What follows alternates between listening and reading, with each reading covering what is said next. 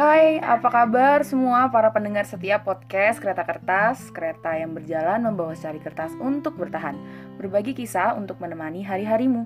Kali ini kita kedatangan seorang yang luar biasa Yang akan menceritakan pengalaman yang ia lalui Hingga mampu menjadi juara bertahan selama 3 tahun. Sebelumnya kita perkenalan dulu yuk Sama tamu kita. Oke, halo semuanya. Pendengarnya Bakis.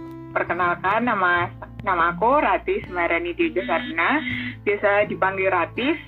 Aku asal dari Kota Blitar, Jawa Timur, dan aku alhamdulillah sudah keterima di jurusan manajemen lewat jalur SNMPTN. Wow, keren. Sebelumnya selamat ya Ratis atas lulus ya, SNMPTN-nya. Pas itu perjuangannya berat banget selama tiga tahun ya. Uh, lagi sibuk sibuk apa iya. akhir-akhir ini, Ratis? Sibuk melihara ikan. ikan. Berarti kamu yeah. semenjak Sama, semenjak udah pengumuman SNMPTN itu udah mulai ini ya apa perkenalan kegiatan baru kayak melihara yeah. ikan gitu-gitu. Belum belum belum. Kalau dari kampusnya sih belum ada kegiatan sama sekali. Hmm.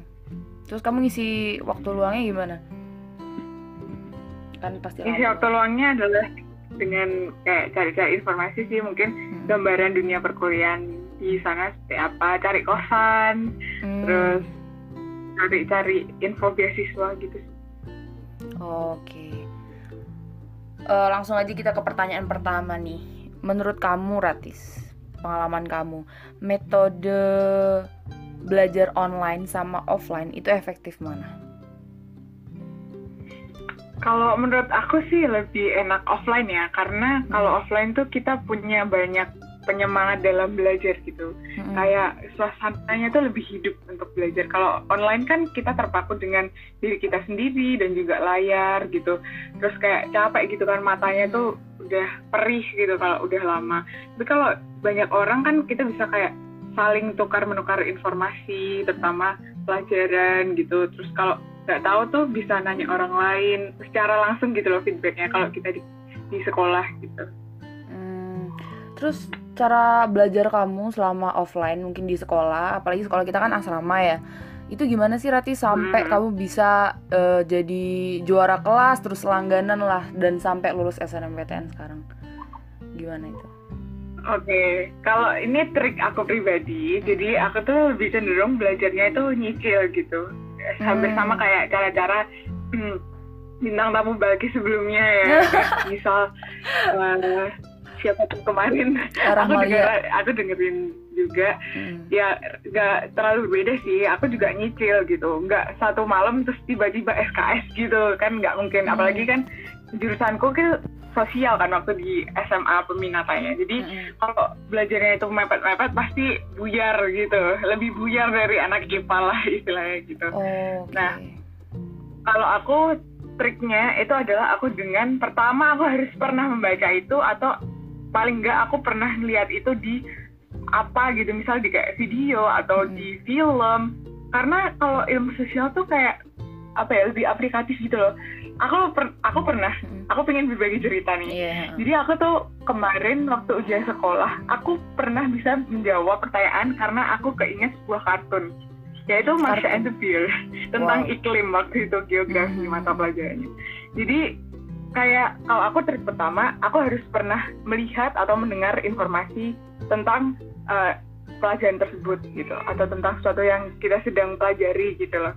Terus habis itu yang kedua sih aku lebih relatif kayak uh, men, uh, berusaha menjelaskan ke orang lain gitu tentang apa yang aku tahu. Misal setelah aku belajar itu biasanya ada temen tuh yang nanya kan nggak bisa minta tolong jelasin ini enggak gitu. Aku tuh tipe orang yang belajar lewat menjelaskan gitu. Jadi kayak semakin aku sering untuk menjelaskan itu ke orang lain, maka akan semakin mengakar gitu di pikiran aku. Kayak semakin banyak orang nanya, aku semakin ingat gitu apa sih yang aku baca tadi gitu.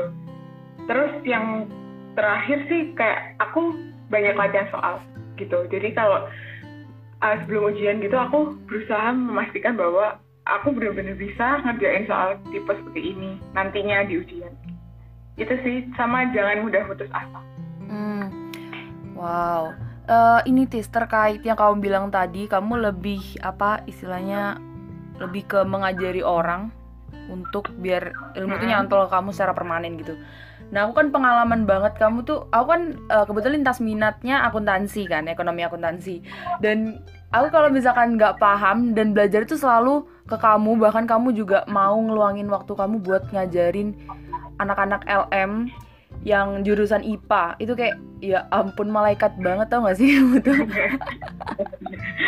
dan kalau kamu yeah. kalau kamu tahu ya Ratis uh, istilahnya kalau misalkan aku nggak nggak ketemu kamu sebagai tutor sebaya selama uh, di sekolah kita kayaknya aku nggak bakal suka sama jurusan lintas minatku deh. Serius. Aku bisa bisa lebih seneng belajar LM ekonomi itu karena kamu mau ngajarin gitu loh Tis. Sumpah tuh keren banget. Terus, itu karena hmm. aku juga excited gitu loh. Karena aku tuh orangnya juga kadang-kadang pelupa gitu karena aku juga manusia gitu ya. Hmm. aku cuma belajar lewat membaca gitu. Kalau aku cuma baca terus aku tinggal tidur kan hilang. Tapi kalau ada orang yang nanya tuh aku kan dengan mau nggak mau aku harus menjelaskan lagi dan mau nggak mau aku juga harus menggali memori hmm. pelajaran yang udah aku pelajari sebelumnya. Itu sih kalau aku. Berarti aku kamu... seneng kok have fun gitu meskipun kayak tengah malam gitu ya, biasanya gitu.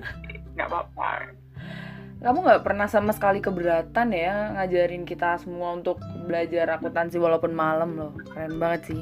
Padahal kamu juga punya kewajiban untuk belajar juga gitu loh. Terus uh, kamu tuh lebih berarti lebih nyantol ke mana tuh? Visual atau audio atau gimana cara belajarnya? Kalau aku pertama lewat visual membaca. Kalau aku lebih kayak gitu. Tapi setelah itu untuk apa ya rehearsal tuh apa kayak latihan-latihan gitu aku akhirnya uh, audio juga. Bisa. Okay. jadi tipe audio visual sih gitu. Jadi kamu kayak semua gitu ya? Iya. Wow. bisa lewat visual bisa lewat audio gitu. Hmm. kalau aku pribadi tis kalau belajar nggak bisa audio doang serius. Aku selalu ngebuat gambaran-gambaran aneh yang mana itu cuma aku doang yang paham. Bahkan aku tuh jarang banget tis yang namanya buat rangkuman pernah buat rangkuman cuman iya. isinya yeah. itu gambar. Nggak tahu kenapa aku tuh lebih paham kalau apa yang dijelasin orang walaupun itu tulisan lebih baik aku gambar. Aku nggak bisa kalau baca itu inget. Nggak tahu kenapa susah banget atau itu bisa dibilang mindset kali ya? Tiap orang juga beda-beda. Oh, iya. iya bener sih bener. Aku juga bukan tipe orang rangkum sama sekali enggak gitu. Oh. kalau orang tanya rangkuman ke aku itu salah banget gitu. Bukan aku gitu. Karena aku tuh paling males gitu loh kayak ngapain harus ditulis lagi gitu. Mending aku hmm. baca lagi di sumbernya daripada aku ngerangkum kayak habis yeah, yeah, waktu kalau aku bener, kalau aku. Tapi ya, memang ada sebagian orang yang mereka suka nyatet suka bikinnya estetik estetik yeah, gitu. kalau uh, aku katanya bukan. Uh, sebelumnya kan aku sempat uh, buat podcast juga kan sama Ulaya. Terus aku bilang ul uh, kamu kan sering buat rangkuman estetik gitu. Apa nggak buang waktu? Aku bilang kayak gitu kan uh, dan juga kan waktu kita waktu pas di asrama itu terbatas banyak kegiatan segala macem. Buat rangkuman gitu apa nggak capek? Terus kata ya enggak sih itu justru yang ngebuat dia itu semakin semangat buat belajar gitu katanya. Kalau aku aku pribadi nggak tahan serius aku nggak tahan buat tulisan. Bahkan tulisanku sendiri tuh susah dibaca tis makanya jarang ada yang pinjam rangkuman aku tuh nggak bisa kayak hmm. buat kaligrafi kayak yang apa hmm. tipografi yang hmm. gimana melekuk melekuk warna-warni uh, uh, uh, aku kalau di uh, jurusanmu IP uh, di sekolah sosial tuh ini nggak sih Alda nggak hmm. sih yang bagus rangkumannya itu yeah. telaten ya, katanya banget untuk kelas tipografi bisa diundang Alda di podcast selanjutnya. Bener. Ide bagus ide bagus. Iya. oh ya terus itu kan metode belajar kamu selama offline tuh. Nah kalau selama online tuh gimana? Sempet uh, kesusahan nggak kayak mengubah metode belajar kamu selama online? Iya sangat kesan dan jujur nih aku akuin ya. Hmm. selama online nih aku jadi kayak belajarnya metodenya nggak SKS lagi kalau SKS kan semalam gitu sistem hmm. kebut semalam hmm. kalau aku udah nggak semalam lagi satu jam sebelumnya aku baru belajar itu payah hmm. banget ini selama online tapi kayak hmm. sebelumnya aku berusaha kalau yang benar-benar aku nol nggak tahu gitu aku masih kayak mau nyicil tapi kalau udah yang sedikit-sedikit tahu gitu aku sistemnya sistem kebut satu jam SKS Masuk tuh, masuk nyantol, Tis. Satu jam itu. Alhamdulillah nggak tahu. Kamu lebih kalau belajar tuh lebih waktunya ke apa? Maksudnya ke malam harus habis semua, pagi, subuh atau gimana?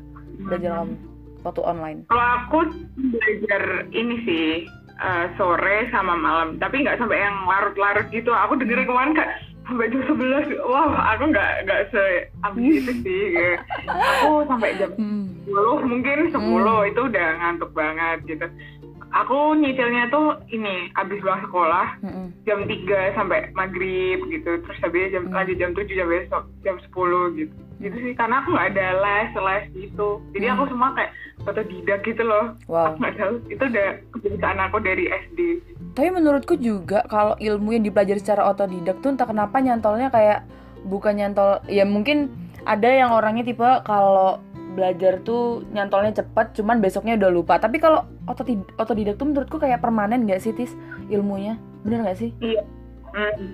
Iya benar. Karena kalau otodidak tuh kayak kita bisa mencerna sesuatu dari pemahaman kita asli, maksudnya kayak Mm. dari sudut pandang kita dan kita tahu gitu loh masa seluk beluknya dari mana.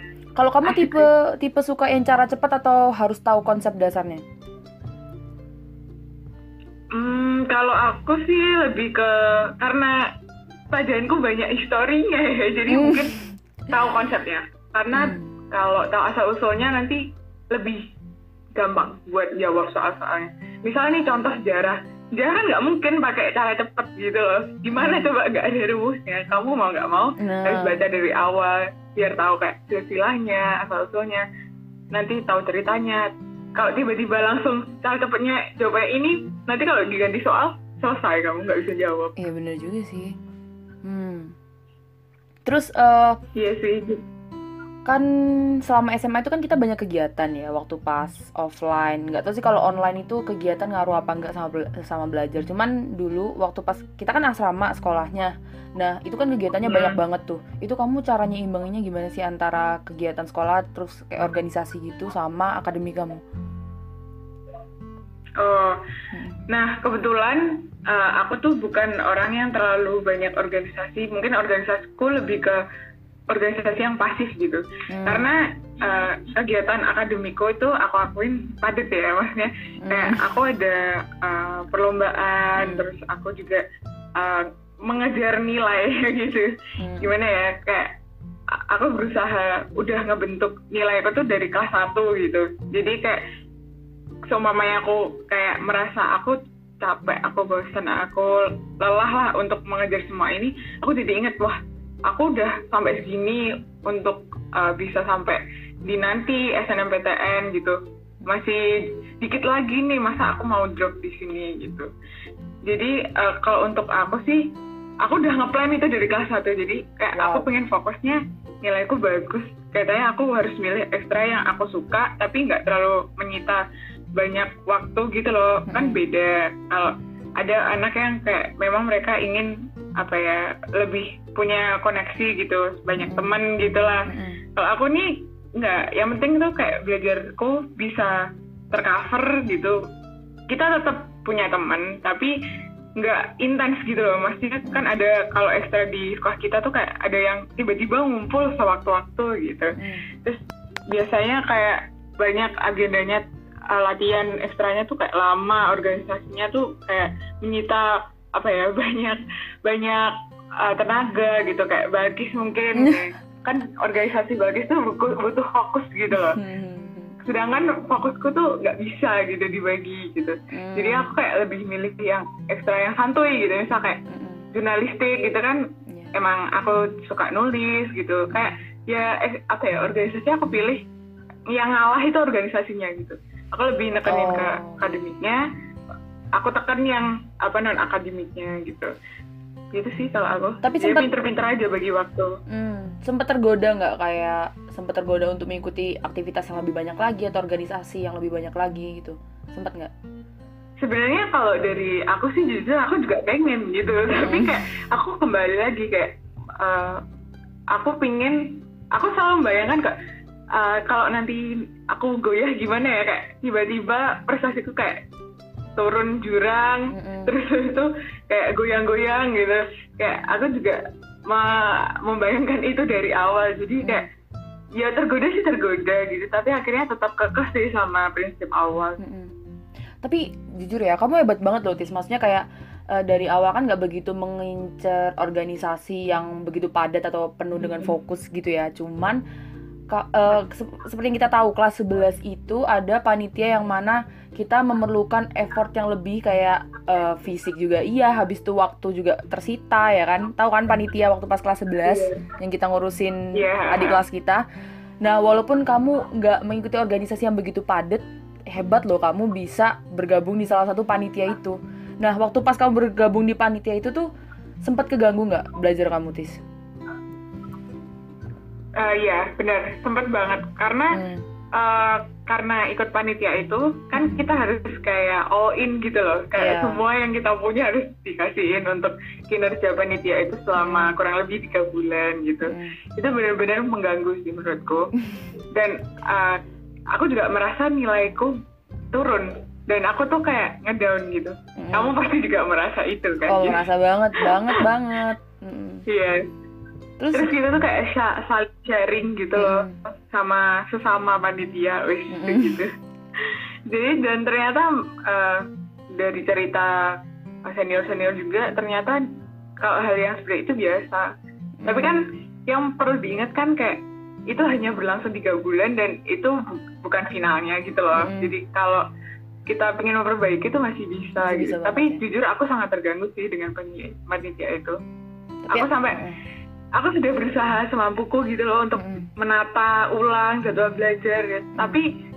ternyata tetap aja gitu loh kayak tenaga kita kan bukan robot gitu loh Mm-mm. kayak ya kamu tahu lah Iya.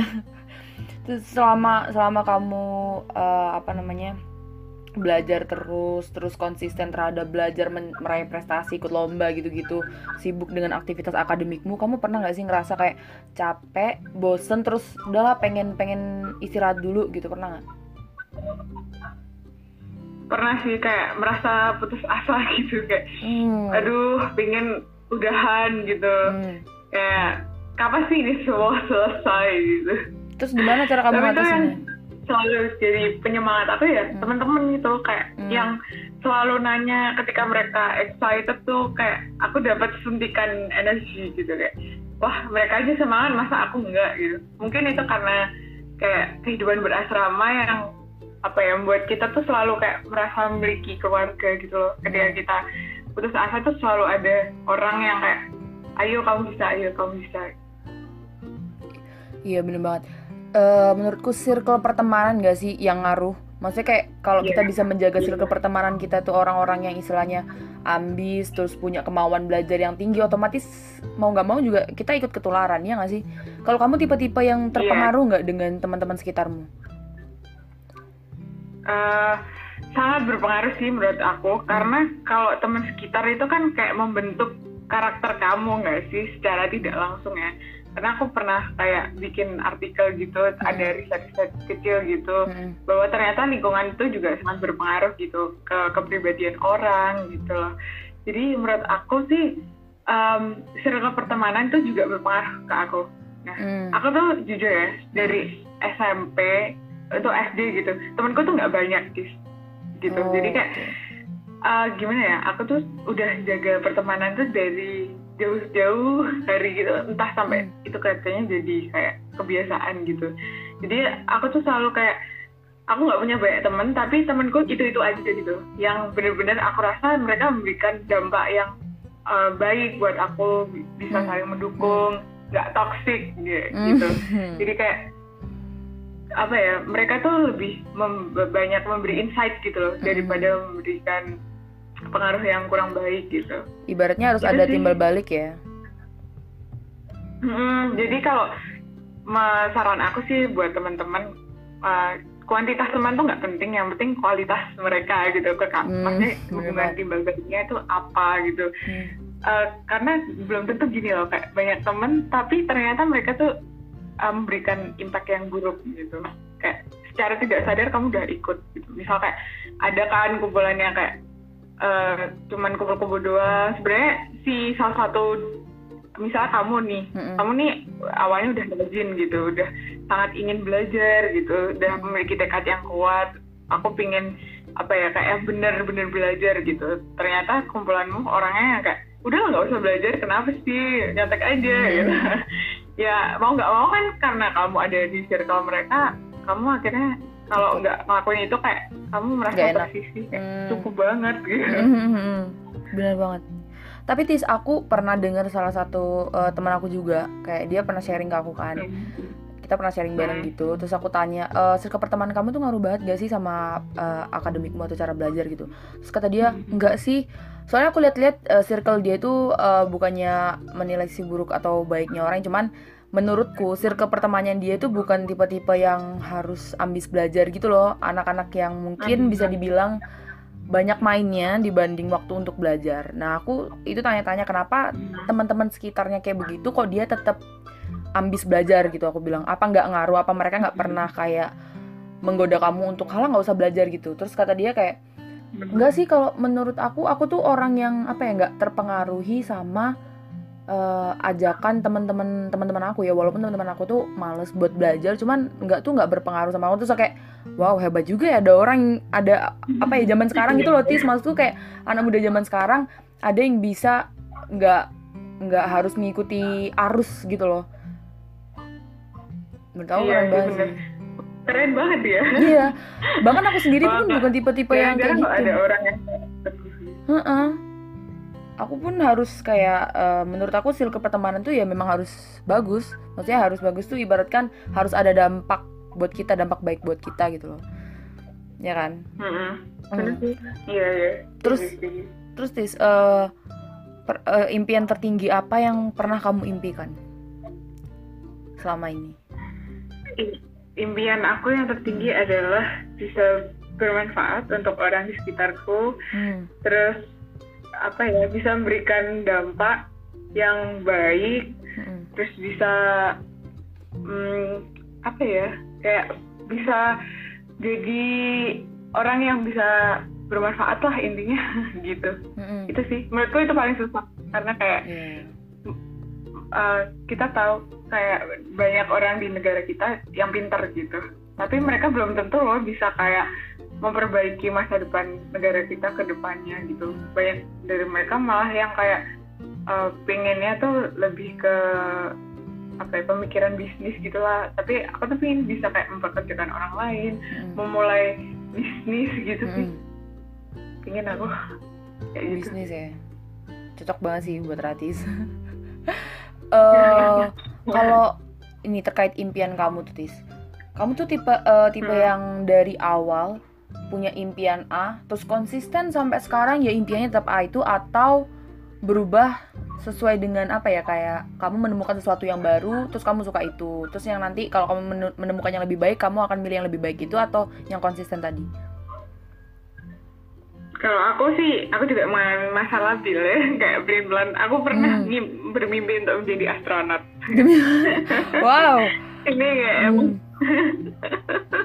Agak lucu gitu.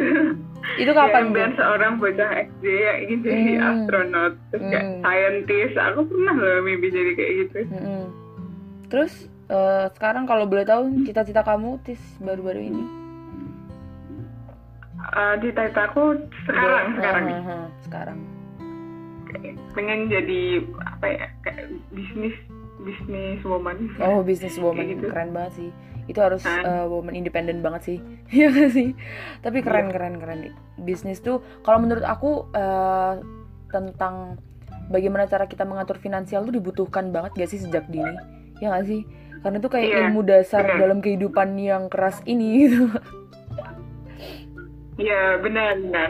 Karena kalau salah mengatur keuangan itu misalnya di keluarga deh itu kayak udah jadi sumber masalah bagi hmm. hal lain gitu. Iya iya benar benar.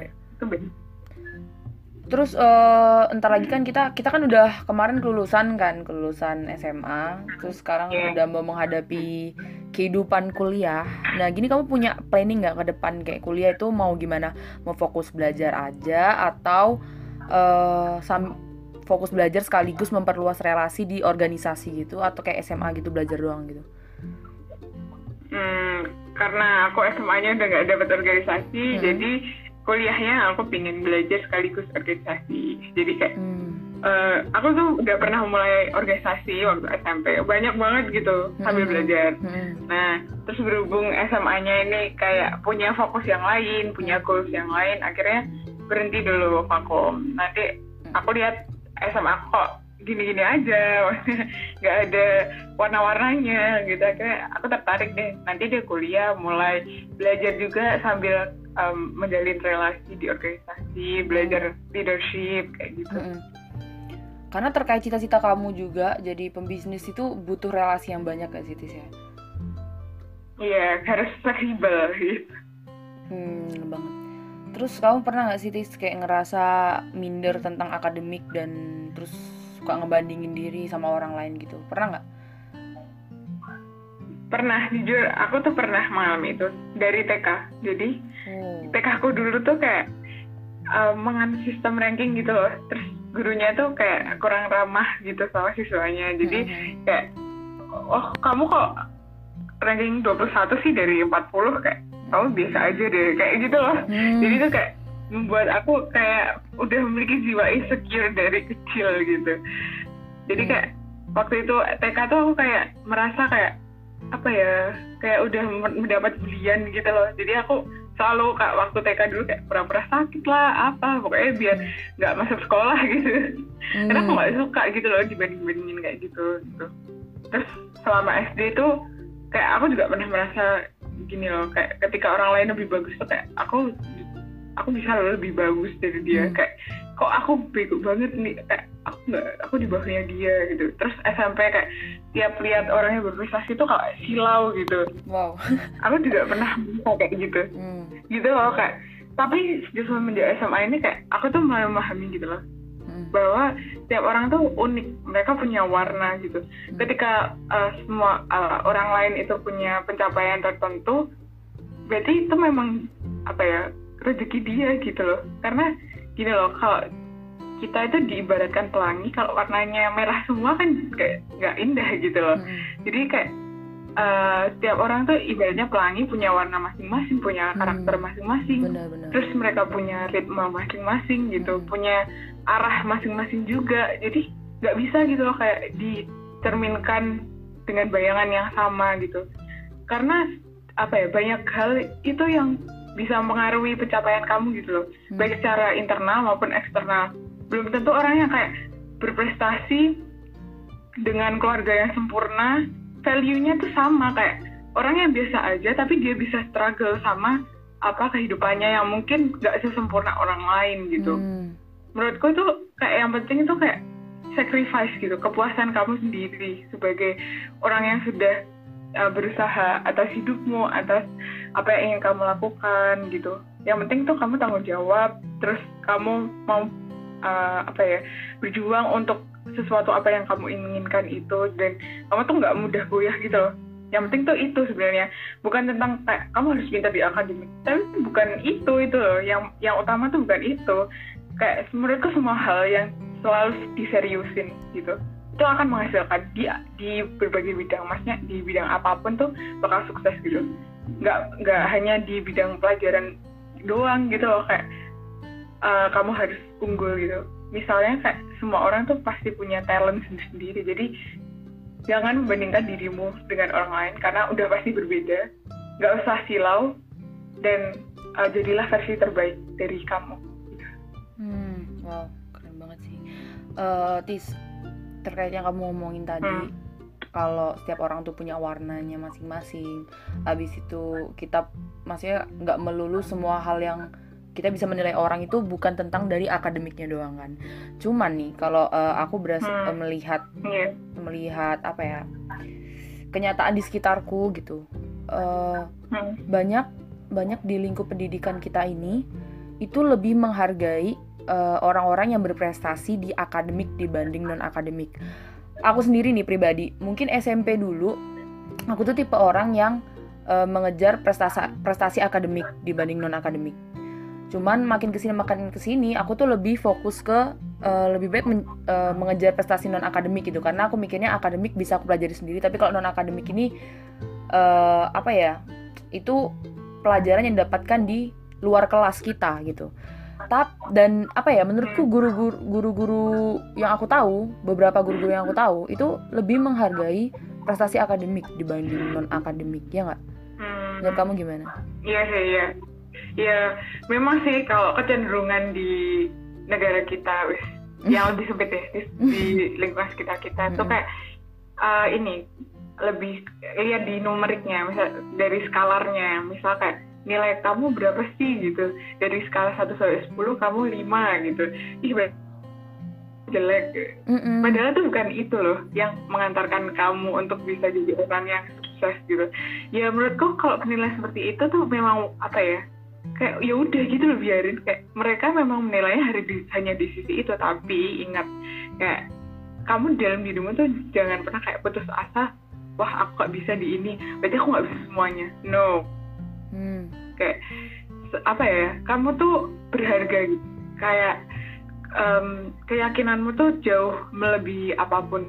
Kamu bisa menjadi apa pun.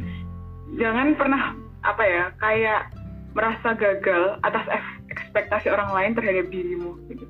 Termasuk dari orang-orang terdekat kayak orang tua keluarga misal rekan temen dekat sahabat atau apa. Kan banyak tuh apalagi di musim-musim kayak gini mereka tuh kayak ih kamu tuh harusnya masuk ini loh gitu eh kamu harusnya gini loh harusnya hmm. harusnya dan mereka kan nggak tahu apa-apa gitu loh tentang kamu hmm. gitu kayak mereka hanya tahu tuh secup, secuplik secuplik secuplik gitu kayak hmm. dari mana mereka bisa menyarankan hal itu baik untuk kamu dan apa yang kamu ingin dan apa yang kamu raih kamu bisa gitu karena yang paling mengerti diri kamu adalah kamu sendiri Benar gitu. tapi uh, hidup kita ini juga tis penuh dengan tuntutan hmm. ya nggak sih maksudnya orang yeah. Iya. uh, seharusnya kita tuh punya standar kesuksesan standar kebahagiaan itu kan beda-beda ya cuman banyak orang yang salah hmm. kaprah ibaratkan kalau uh, menurutku standar kesuksesan uh, yang kita tahu yang secara awam gitu itu diciptakan oleh masyarakat itu sendiri. Akhirnya kita nggak punya standar kesuksesan sendiri karena apa? Ketika kita punya standar kesuksesan sendiri dan nggak sesuai dengan standar kesuksesan umum, itu malah kita dapat cemooh, dapat ketidakpercayaan diri dari orang lain dan mau nggak mau yang awalnya kita tuh punya benteng kayak ya ini kan jalan kita sendiri, ini kita punya misalnya kayak uh, banyak jalan menuju Roma gitu. Cuman karena terus-terusan dituntut oleh orang-orang sekitar bahwa standar kesuksesan mereka itu ini dan itu, akhirnya mau nggak mau kayak kita tertekan gitu dan mengikuti standar kesuksesan hmm. orang lain. Hmm, yeah. Akhirnya ya mungkin yeah, menurut yeah. orang lain kita berhasil sukses, tapi itu bukan standar kita, bukan yang kita mau, tapi yang orang lain mau. Itu susah sih mencapai kebahagiaan di posisi kayak gitu, ya nggak sih? Iya, ya menurutku ya yang dimaksud sebagai apa ya um, kesuksesan secara umum mm-hmm. itu lebih ke kecukupan dasar gak sih kayak oh, iya, yang benar, mungkin benar, benar. itu kayak setiap orang tuh harus punya misal kayak harus satu atau mapan hmm. terus punya ini punya itu gitu gak sih benar dan status sosial juga ya gak sih iya benar padahal itu sebenarnya bukan tujuan utama kita hidup di dunia ini tuh kan itu gitu kan hmm. yang penting um, kita tuh eh, nggak uh, menyalahi norma norma kehidupan terus berlaku baik dengan orang lain kayak kehidupanmu juga cukup untuk uh, standar kamu itu menurutku udah cukup gitu loh hmm. nggak perlu kita kayak harus punya hal yang menurut orang lain wah gila kamu keren banget bisa punya ini bisa punya itu hmm. gitu sih kamu sendiri punya uh, standar kebahagiaan versimu nggak, Tis? Iya, bener. Iya. Punya nggak? Dari sisi aku ya, tapi nggak tahu listeners. Punya nggak definisi kebahagiaan gitu, menurut kamu sendiri? Kayak kamu bahagia dengan hal yang sederhana atau kamu bahagia dengan dengan apa gitu? Ada nggak? Hmm, kalau versi aku sih kebahagiaan paling besar menurutku. Itu adalah ketika bisa dekat dengan keluarga, hmm. bisa um, uh, punya relasi yang baik hmm. gitu, nggak banyak masalah dalam kemasyarakatan. Maksudnya dengan siapa pun tuh kita bisa welcome. Terus kita juga diterima sama orang lain. Terus apa ya kehidupannya um, cukup itu udah bahagia sih menurut aku uh, kamu sendiri tis kalau semisal semisal kamu dihadapkan dengan kondisi di mana kamu ada ada orang yang nggak suka sama kamu tapi nggak ada alasan kayak nggak suka aja ngeliat kamu tuh oh. sukses atau berhasil gitu gimana kamu cara ngadepinnya Iya. Aku pernah mengalami itu. Oh. iya. Aku pernah mengalami itu. Mm-hmm. Gimana tuh? Iya, jadi aku awalnya tuh kaget ya kan. Nggak kenal, nggak tahu, nggak pernah ngobrol. Dia juga nggak pernah aku kenal aku dekat gitu. Kok tiba-tiba aku disemprot gitu apa salahku gitu aku nggak pernah mengganggu hidup dia gitu mm. gitu tapi ya kalau aku sih menghadapi orang seperti itu ya aku biarin aja lah kayak tahu apa dia tentang aku gitu aku tuh mikirnya selalu kayak gitu mm-hmm. yang penting aku menunjukkan bahwa aku tidak seperti apa yang dia omongkan itu udah jadi bukti menurut aku nggak mm. perlu kayak harus dibalas harus di apa ya kayak aku tuh nggak kayak gini gitu mm. pakai emosi terus kayak uh, menunjukkan kepada dunia nggak usah yang penting dia terus tiba-tiba ada bukti gitu aku nggak kayak gitu wih itu lebih hmm. gentle berarti kamu bukan tipe yang istilahnya kalau ada komentar jahat yang sampai hmm. ke kamu itu bukan tipe yang tergoyahkan ya dengan komentar-komentar jahat gitu Oh enggak, aku sih enggak goyang sih. Alhamdulillahnya bukan tipe yang kayak uh, gampang goyang karena disentil gitu enggak overthinking nah, overthinking aku lebih kayak ya udah sih biarin aja hmm. menurut aku nih kayak itu memang universal gitu kan setiap hmm. orang punya penilaian masing-masing ya terhadap kita hmm. mungkin dia pernah menerima informasi yang salah tentang kita hmm. kayak aku selalu kayak positive thinking bahwa mungkin dia memang nggak tahu seluk beluknya tapi dia kayak tiba-tiba nggak suka hmm. gitu sih jadi kayak santai aja gitu loh menanggapi seperti itu kayak karena kalau ibaratnya api kecil itu semakin disiram sama minyak tanah kan semakin besar tuh. Hmm, Kalau kita hmm, ngeladenin orang marah itu bukannya selesai masalahnya malah tambah runyam gitu loh. Jadi menurutku kayak buat apa kita capek-capek ngeluarin energi menghadapi orang yang nggak tahu apa-apa sampai berbusa pun dia nggak akan ngerti gitu apa apa yang sebenarnya terjadi. Gitu. Bahasa Jawanya ya udah gitu. Bahasa Jawanya kayak sing waras ngalah gitu kan. Iya, iya benar-benar. Yang lebih sehat akalnya itu lebih baik mengalah. Dan juga itu kita prinsip aku. Dan juga kita nggak ngerti apa yang apa ya apa yang mereka alami Ibarat kan kayak siapa tahu mereka ini lagi iya, capek iya, atau mungkin lagi bener-bener pikirannya brudrek gitu iya. atau gimana kan ya kita kita yang baik-baik iya. saja ngalah iya itu sampai sekarang Tapi itu ngalah pun atau ada batasnya. Hmm. kecuali kalau dia udah main fisik itu beda cerita oh, ya iya, iya kalau masih verbal mah diemin aja. Hmm. itu sampai sekarang nggak dis nggak kamu nggak? Atau udah nggak? Ini yang lucu nih. Yang oh, jadi apa? si oknum ini kayak waktu udah mau pisahan gitu dia baik ke aku kayak ini orang nggak sambet apa? Oknum? Berarti nggak cuma satu orang atau gimana satu orang aja? Ya satu orang sih. Oh. satu orang tapi dia kayak ngomong ke beberapa orang gitu loh. Wow. jadi ya gitu. Jadi kayak tapi itu cuma sebentar. Mm -mm. ya satu semester tuh sebentar kan? Satu semester tuh lumayan ya tis ya. Ya aku aja bingung loh. Mm. apa yang salah? Aku tuh nggak pernah loh ngapa-ngapain dia. Kok tiba-tiba dia marah ke aku ya ampun. Akhirnya kayak gitu tuh ngebuat kita tuh jadi kayak alah ya udahlah ngebuang tenaga ngurusin orang kayak gini mending fokus ke diri sendiri upgrade diri sendiri. Karena balas dendam terbaik itu adalah ketika kita lebih baik daripada orang yang ngejahatin kita menurutku. Iya benar. ya, sih? Benar sih kayak buat apa woi kayak sampai kamu menjelaskan bahwa aku tuh nggak gini. Gitu kayak kamu menjelaskan se sedetail apa dirimu kalau dia udah punya mindset eh kamu jelek. Hmm. Jadi apa pun yang kita Uh, apa pun yang kita lakukan entah itu baik atau salah ya di mata dia tetap aja salah gitu.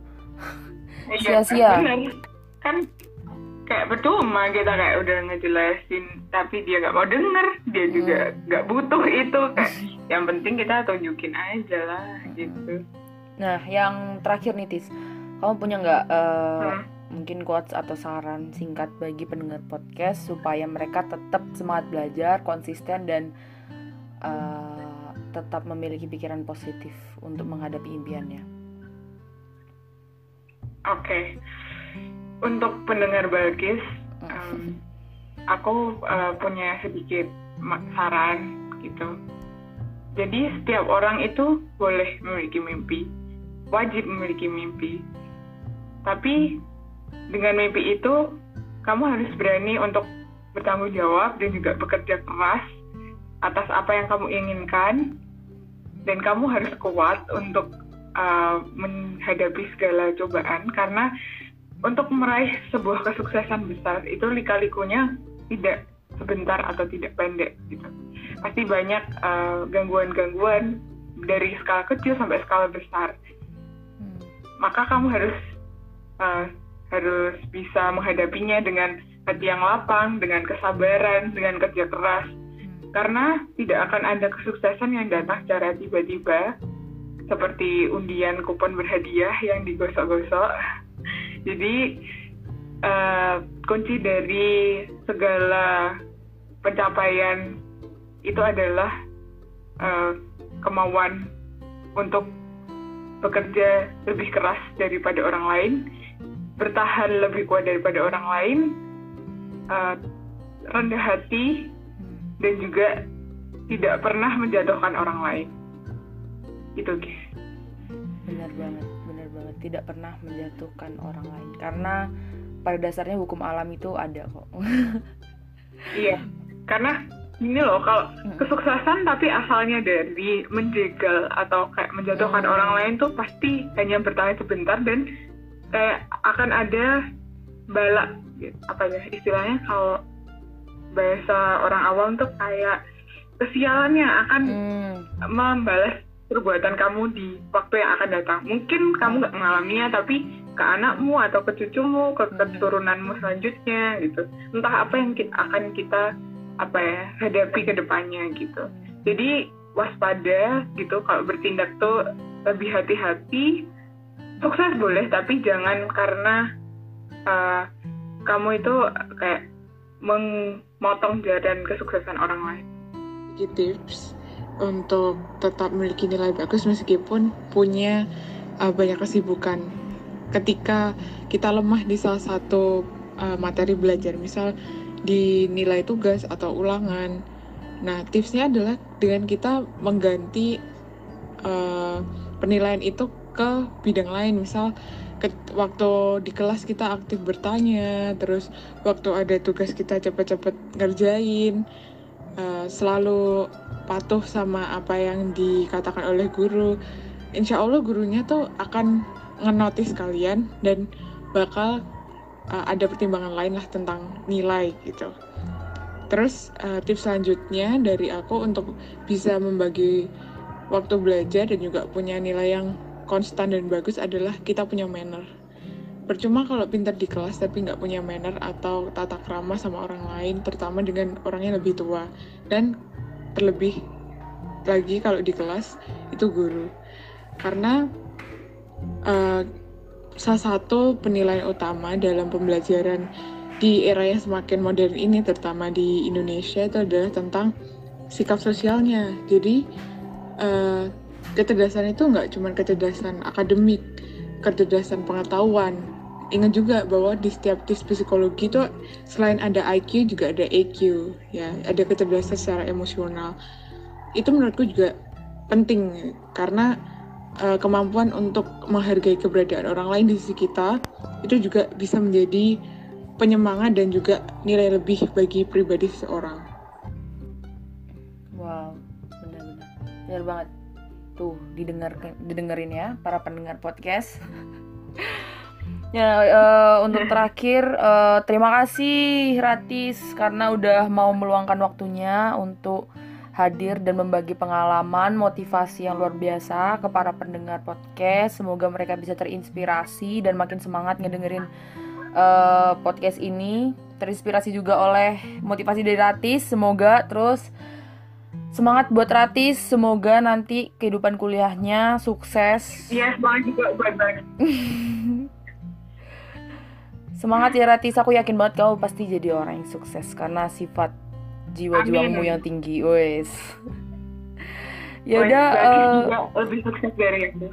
amin, amin, amin. Ya udah, Ratis jaga kesehatan ya, Ratis. Semangat, terima Siap. kasih, bye bye. Ya, semangat juga. Thank you. Maaf ya bahasanya agak belibet.